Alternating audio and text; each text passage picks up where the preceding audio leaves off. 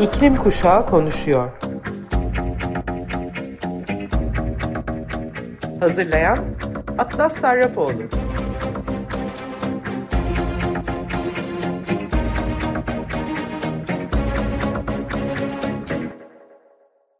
İklim Kuşağı konuşuyor programına hoş geldiniz. Ben Atlas Sarrafoğlu. Bugünkü programı Youth for Climate Türkiye grubundan iklim aktivisti arkadaşım Dila Kaya ile sunuyoruz. Programı bugün Dila ile paylaşmaktan mutluyum. Dila hoş geldin. İstersen önce biraz kendini bize tanıt. Nasılsın? Nasıl hissediyorsun? İyiyim. Sen nasılsın? İyiyim. Um, ben Dila. 14 yaşındayım. 9. Uh, sınıfa gidiyorum. İngiltere'de yaşıyorum ve Youth for Climate Türkiye ekibinde iklim aktivizmi yapıyorum. Şimdi birlikte bugün bu programda geçtiğimiz haftanın önemli iklim haberlerine bakacağız, göz atacağız. İlk haberimiz 135 ülkeyi kapsayan yeni bir araştırmaya göre iklim değişikliği sonucu 2050 yılına kadar küresel yıllık ekonomik çıktının %4'ü kaydedilebilir ve dünyanın görece daha yoksul birçok bölgesini orantısız bir şekilde etkileyebilir. Ülkelere ekonomilerinin sağlığına dayalı olarak kredi puanları veren derecelendirme firması CNP Global, yükselen deniz seviyelerinin olası etkilerini daha düzenli şekilde görülür hale gelen sıcak hava dalgaları, kuraklık ve fırtınaları inceleyen bir rapor yayınlandı. Hükümetlerin bu yeni iklim değişikliği politikalarından büyük ölçüde kaçındığı bir temel senaryoda düşük ve düşük orta gelirli ülkelerin daha zengin olan olanlardan ortalama 3,6 kat daha fazla gayri safi yurt içi hasıla e, kaybı görmesi muhtemel. Bangladeş, Hindistan, Pakistan ve Sri Lanka'nın orman yangınlarına, sel baskınlarına, büyük fırtınalara ve ayrıca su kıtlığına maruz kalması, Güney Asya'nın gayri safi yurt içi hasılasının %10 ve %18'inin risk altında olduğu anlamına geliyor. Bu da Kuzey Amerika'nınkinin kabaca 3 katı ve en az etkilenen bölge olan Avrupa'dan 10 kat daha fazla. Orta Asya, Orta Doğu, Kuzey Afrika ve Sahra Altı Afrika bölgeleri de büyük kayıplarla karşı karşıya. Doğu Asya ve Pasifik ülkeleri Sahra Altı Afrika ile benzer seviyelerde bu etkilere maruz kalıyor. Ancak bunun başlıca nedeni sıcak hava dalgaları ve kuraklıktan ziyade fırtınalar ve seller. S&P'nin hükümet kredi analisti Roberto Sifon Arevalo farklı derecelerde bu dünya için bir sorun. Sonuçlar dünyanın daha yoksul bölgelerinin çoğu için uluslararası desteğe duyulan sonuçları ve ihtiyaçları vurguluyor dedi. Çoğu ülke için iklim değişikliğine maruz kalma ve iklim değişikliğinden kaynaklanan maliyetler hali hazırda artıyor. Sigorta şirketi Swiss Re'ye göre son 10 yılda sadece fırtınalar, orman yangınları ve sel felaketleri küresel boyutta gayri safi yurt içi hasılasının yaklaşık %0.3'ü kadar kayıplara neden oldu. Dünya Meteoroloji Örgütü ayrıca son 50 yılda dünyanın herhangi bir yerinde ortalama düzeyde hava, iklim ve su ile ilgili bir felaketin meydana geldiğini ve günlük 115 ölüme ve 202 milyon doların üzerinde kayba sebep olduğunun hesabını yaptı. S&P'den Sifon Aravalo, büyük kasırgalardan sonra Karayip Adaları gibi bazı ülkelerin aşırı hava koşulları nedeniyle kredi notlarında düşüş yaşadığını söyledi. Almanya, İtalya ve Çin en çok ithalat yapılan ülkeler olurken bunları Hollanda, Türkiye ve Fransa izledi. Enerji ve Temiz Hava Araştırma Merkezi tarafından Rusya'nın petrol, doğalgaz ve kömür sevkiyatları ile boru hattı ihracatının ayrıntılı yeri yeni incelemesine göre Rusya'nın Ukrayna'ya karşı savaşının ilk iki ayında fosil yakıt ihracatında elde ettiği gelir 63 milyar euroya yükseldi.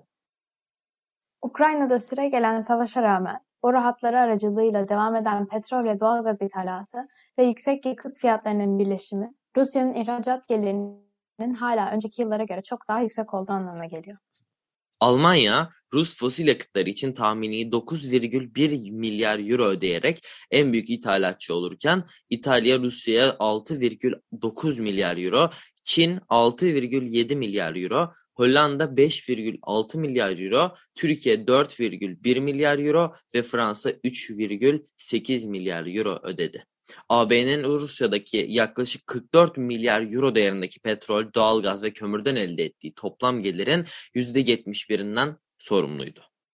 AB halihazırda Ağustos ayından itibaren bir kömür ambargosunu kabul etti ve Avrupa Komisyonu'nun önümüzdeki günlerde 30-31 Mayıs'ta yapacağı toplantıda petrol ithalatını yasaklamasını önermesi bekleniyor.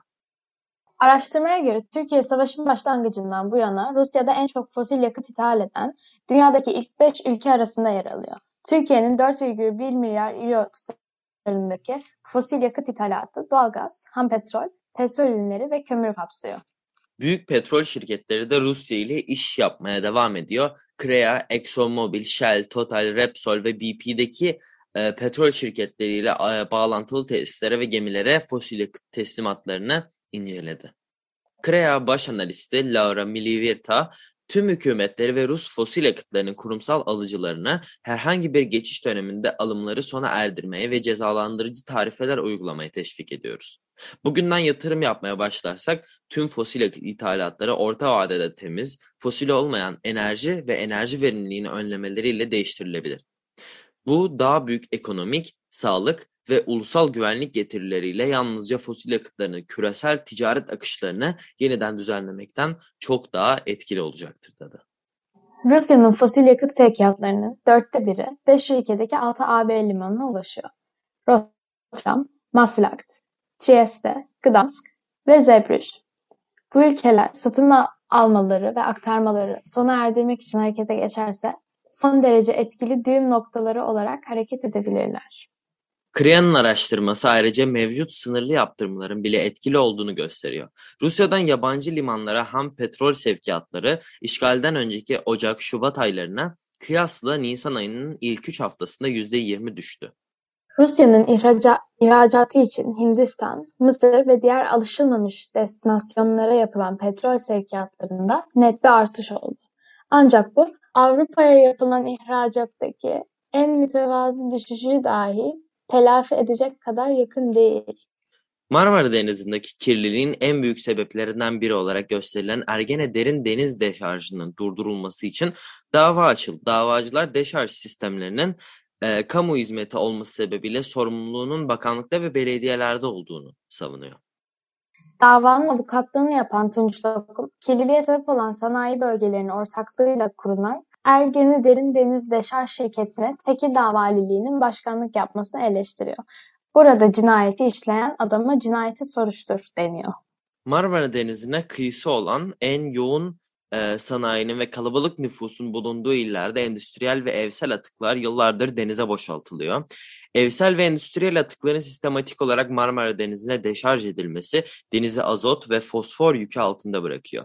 2010 yılında gündeme gelen Ergene Havzası Koruma Eylem Planı 1989'da Haliç için alt akıntıyla Karadeniz'e gideceği düşüncesiyle atıkların arıtılmaksızın Marmara Denizi'ne deşarjı günümüzde Ergene Nehri'nin kirlilikten kurtarılması için uygulanıyor.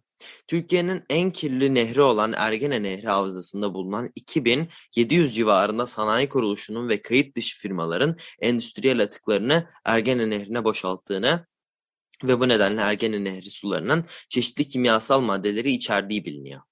Marmara Denizi'ne deşarj edilmesi faaliyetlerini yürütmek için 2 Nisan 2013 yılında Tekirdağ Ergene Derin Deniz Deşarj Anonim Şirketi ünvanlı özel bir şirket kuruldu.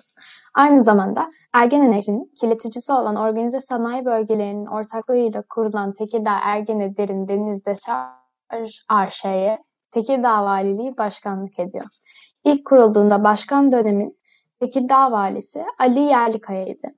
Şimdiki başkanı ise Tekirdağ Valisi Aziz Yıldırım. Ergene Derin Deniz Deşarj Projesi kapsamındaki ilk deşarj 14 Kasım 2020'de gerçekleşmesinin üzerinden bir yıl daha geçmeden Marmara Denizi'nde 2021 yılının Nisan ayında müsilaj gözle görülür hale geldi. Bu durum atıkların alt akıntıyla Karadeniz'e gitme, gitmediğini kanıtladı. Çevre illerde yaşayan 18 kişi Tekirdağ Ergene Derin Deniz Deşarj AŞ'ye karşı deşarj uygulamasının durum, durdurulması istemiyle dava açtı. Çorlu 5. Asliye Hukuk Mahkemesi'nde Aralık 2021'de sunulan dava dilekçesinde Marmara Denizi'nin kirletilmesinin sonuçları özetle şu ifadelerle anlatıldı.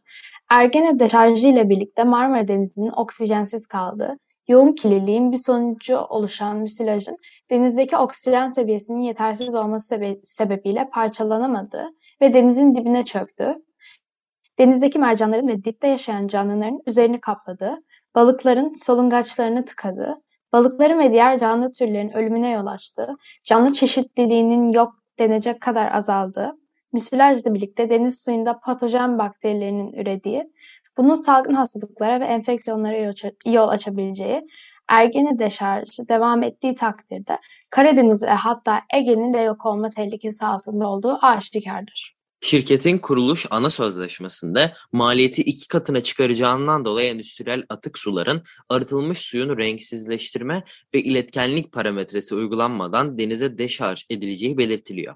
Bu deşarj yöntemi ise anayasaya e, Türkiye'nin taraf olduğu uluslararası sözleşmelere ve yürürlükteki mevzuat hükümetlerine aykırı. Dava dilekçesinde denize deşarj edilen atık sularda ve atık suların deşarj edildiği noktalarda kimyasal analizler yapılarak mevzuattaki deşarj standartlarına uyulup uyulmadığı sorgulanıyor. Marmara Denizi'nde yapılan deşarjın kirlilik yönünden etkilerinin bilirkişi incelenmesi yapılarak tespiti talep ediliyor. Marmara Denizi'ne yapılan tüm deşarjların acilen durdurulması gerektiğini belirten Lokum, dava sürecini takip ediyor. Davacıların verdiği dilekçeye göre şirket, uygulamaların yöne, yönetmeliklerine ve stratejik eylem planına uygun şekilde yapıldığı cevabını verdi. Cevaba yönelik savunma hazırlayan Lokum, bilirkişi heyetinin bölgede yapacağı incelemelerden sonra duruşmaların başlayacağını kaydetti. Hakimin insani bir çözüm getirmek zorunlu olduğunu söyleyen Lokum, her şeyi yönetmeliklere uyduruyorlar. Biz diyoruz ki dosyaya sadece hukuki olarak bakılmasın. Çevre davalarında evrensel hukuka göre karar verilsin. Hakimin çevreyi, insanı ilgilendiren konularda buna dikkat etmesi gerekiyor. Marmara'da su altında yaşamın sona ermesi, e, salt bununla sınırlı olmayacak. Yaşanacak çevre felaketi biz insanların da sağlığını etkileyecektir diye konuştu. Çevre konularında öncelikli sorumluluğun Çevre, Şehircilik ve İklim Değişikliği Bakanlığı'nda ardından belediyelerde olduğunu belirten Lokum, özel şirkete valiliğin başkanlık yapmasını şöyle değerlendirdi. Özel şirketler kar elde etmek amacıyla kurulur. Buradaki insanların gayesi nedir? Ne kadar kar elde ediyorlar? Burada cinayeti işleyen adama cinayeti soruştur deniyor akıl tutulması var. Sadece Tekirdağ'ın merkezi yönetimiyle ilgili bir konu değil. Marmara Belediyeler Birliği ve diğer illerin belediyeleri de bu duruma son derece kayıtsız. Kamu hizmetin özel şirket tarafından yapılamayacağını ifade eden Lokum, bu konuda mevzuat ve yasalardaki boşluğa dikkat çekti. Marmara Denizi'nin 1960'lı yıllardan beri evsel ve sanayi atıklarla kirletildiğini vurgulayan Lokum, Ergen'in derin denizde şarj uygulaması majör bir kirletinin ortaya çıkması anlamına geliyor. Marmara'ya kendi kendini temizleyecek bir alan tanımıyor diye konuştu. Deşarj işlemi için denizin alıcı ortam vasfını taşıması gerekiyor.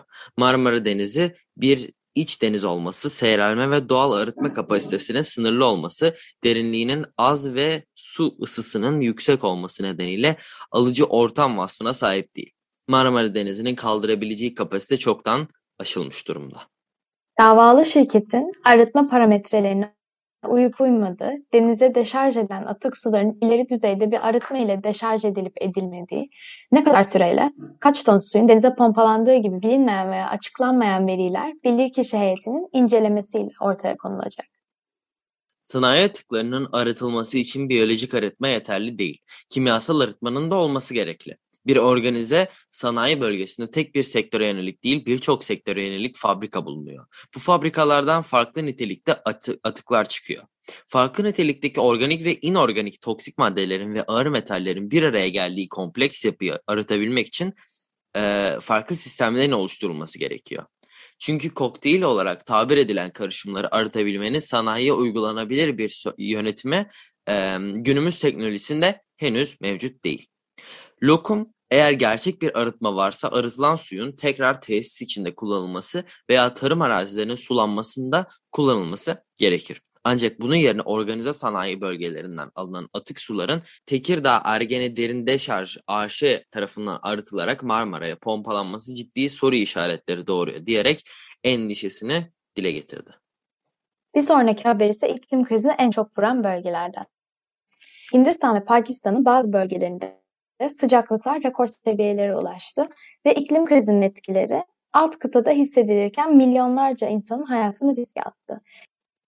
Hindistan Meteoroloji Departmanı'na göre Nisan ayında Kuzeybatı ve Orta Hindistan için ortalama maksimum sıcaklık kayıtların 122 yıl öncesine başlamasından bu yana en yüksek oldu ve sırasıyla 35.9 ve 37.78 dereceye ulaştı.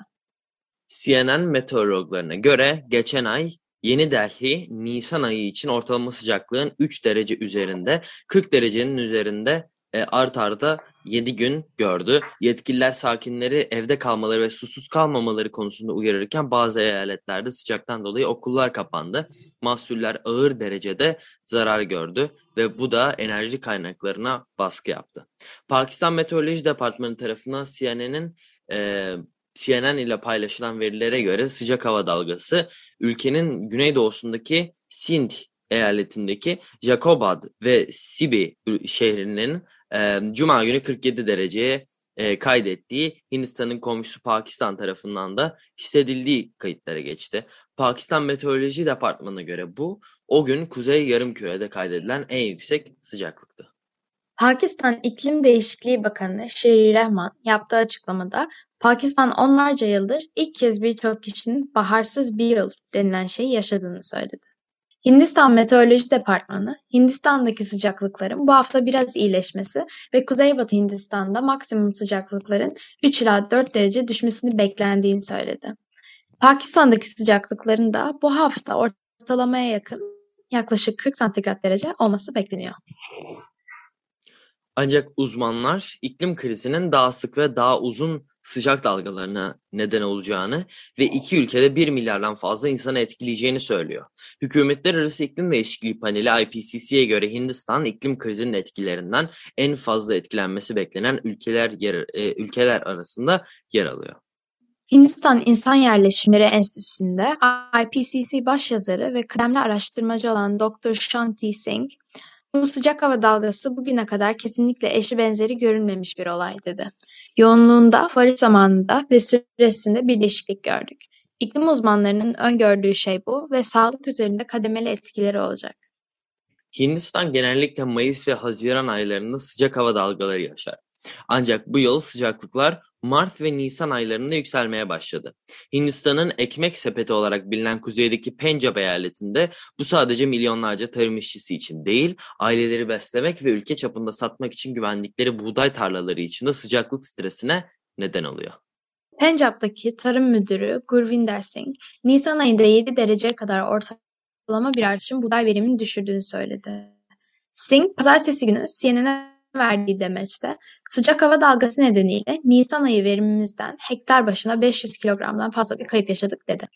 Chinandi Singh, e, tarım işçilerinin bunaltıcı sıcaktan daha fazla zarar gördüğünü e, söyledi. Dışarıda çalışan insanlar, çiftçiler, inşaatta olanlar, el emeği olanlar daha fazla acı çekecek, serinlemek için daha az e, seçenekleri var ve sıcaktan uzak duramıyorlar dedi. Hindistan'ın bazı bölgelerinde elektrik talebi kömür kıtlığına yol açarak milyonları günde 9 saat kadar elektriksiz bıraktı. Delhi Enerji Bakanlığı'na göre geçen hafta Delhi'nin enerjisini sağlamak için kullandığı 5 santralden 3'ünde kömür stokları kritik derecede düşük seviyelere ulaşarak %25'in altına düştü. Ülkenin Demir Yolları Bakanlığı'ndan üst düzey bir yetkili CNN'e verdiği demeçte Hindistan enerji santrallerindeki kömür stoklarını yenilemek için çabalarken daha fazla kargo treni için rayları temizlemek amacıyla Mayıs ayı sonuna kadar 650'den fazla yolcu treni iptal edildi. Batı Bengal ve Odisha'da dahil olmak üzere bazı Hint eyaletleri artan sıcaklıklarla başa çıkmak için okulların kapatıldığını duyurdu.